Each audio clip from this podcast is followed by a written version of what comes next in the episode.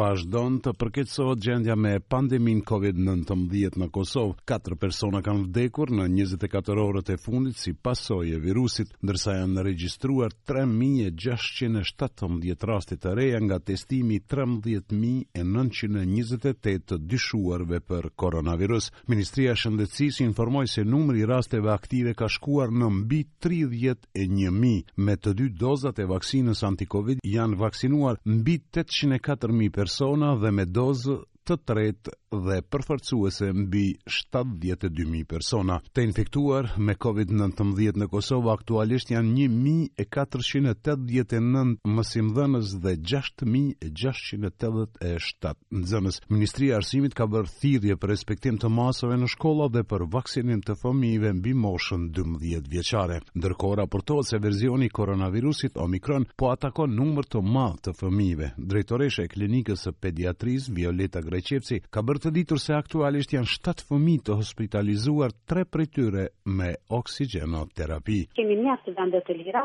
Nëse paraqitet nevoja edhe për shtretër shtesë, atëherë do ta bëjmë një riorganizim tjetër në mënyrë që këtyre fëmijëve t'ju ipet shërbimi adekuat. Kuvendi i Kosovës pas shumë diskutimesh për situatën me Covid nëntëmbëdhjetë nuk ka miratuar rekomandimet e tri partive opozitare për rishqyrtim të masave kufizuese për pandeminë. Në përfundim të seancës së jashtëzakonshme, deputeti i LDK-së Armend Zemaj paraqiti gjashtë rekomandime para deputetëve për miratim. Të hartojë në kohë strategji për vendosje në kohë të masave e kufizimeve, larg masave të cilat merren në panik, qeveria të prezenton para Kuvendit planin e vaksinimit për vitin dy mijë e njëzet e dy, qeveria të sigurojë testime masive mobile në shkolla, institucione publike dhe private,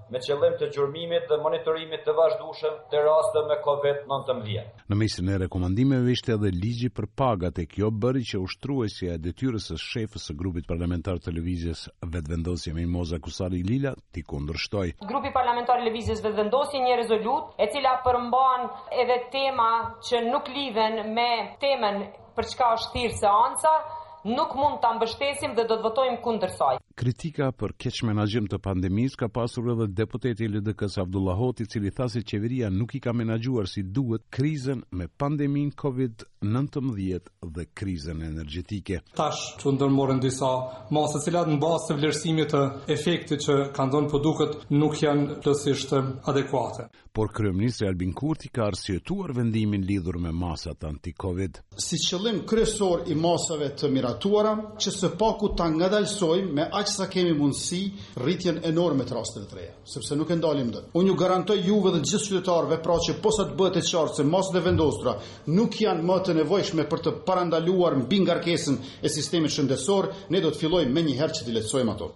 Ambasadori i Shteteve të Bashkuara në Prishtinë, Jeff Hovenier, në një intervistë ekskluzive për televizionin publik të Kosovës, ka thënë se sovraniteti dhe integriteti territorial i Kosovës është i padiskutueshëm dhe nuk vihet në pyetje. Kosova është shtet i pavarur dhe realiteti është i pakthyeshëm, ka thënë ai. Sovraniteti i Kosovës, integriteti territorial i Kosovës, këto çështje nuk janë në pyetje. Ato janë të vendosura. Do të thësha që këto janë fakte historike. Kosova është shtet i pavarur. Kosova është shtet sovran. Disa njerëz mund të zgjedhin ta kundërshtojnë këtë, por kështu është. Dhe njerëzit mund të debatojnë sa të duan, por realiteti, faktet në terren flasin vetë. Jeff Hovenier theksoi se Shtetet e Bashkuara janë të interesuara që të ndihmojnë në arritjen e marrëveshjes për normalizimin e marrëdhënieve Kosovë-Serbi. Ai tha se për SHBA-n fokusi i dialogut mbetet i qartë pavarësisht vështirësive.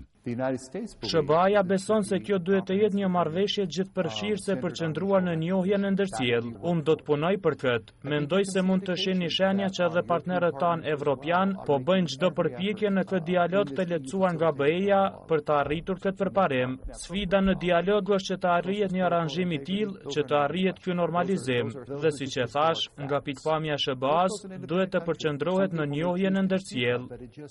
Tutje ambasadori amerikan ka thënë se zotimet e Washingtonit ishin të rëndësishme ndërsa theksoi se presin nga autoritetet në Prishtinë dhe Beograd t'i zbatojnë. Hovenier foli edhe për shumë tema të tjera përfshirë atë për Asociacionin e Komunave me shumicë serbe, për të cilën sugjeroi që të lexohet shtojca e tretë e planit të Marti Ahtisarit për statusin e Kosovës. Ndër të tjera, Hovenier ka thënë se në muajin e ardhshëm Kosova feston 14 vjetorin e pavarësisë, Dhe sipas tij, ajo që populli i Kosovës ka arritur në këta katërmbëdhjetë vjet është e jashtëzakonshme. Përfaqësuesi i lartë i Bashkimit Evropian për Politikë të Jashtme dhe Siguri, Josef Borrell, ka konfirmuar se emisari evropian për dialogun Miroslav Lajçak dhe i dërguari amerikan për Ballkanin Gabriel Escobar do ta vizitojnë Kosovën të hënën më 31 janar. Në anën tjetër, amerikanët i kanë propozuar qeverisë së Albin Kurtit modele që sipas tyre mund të funksionojnë për Asociacionin e Komunave me shumicë serbe.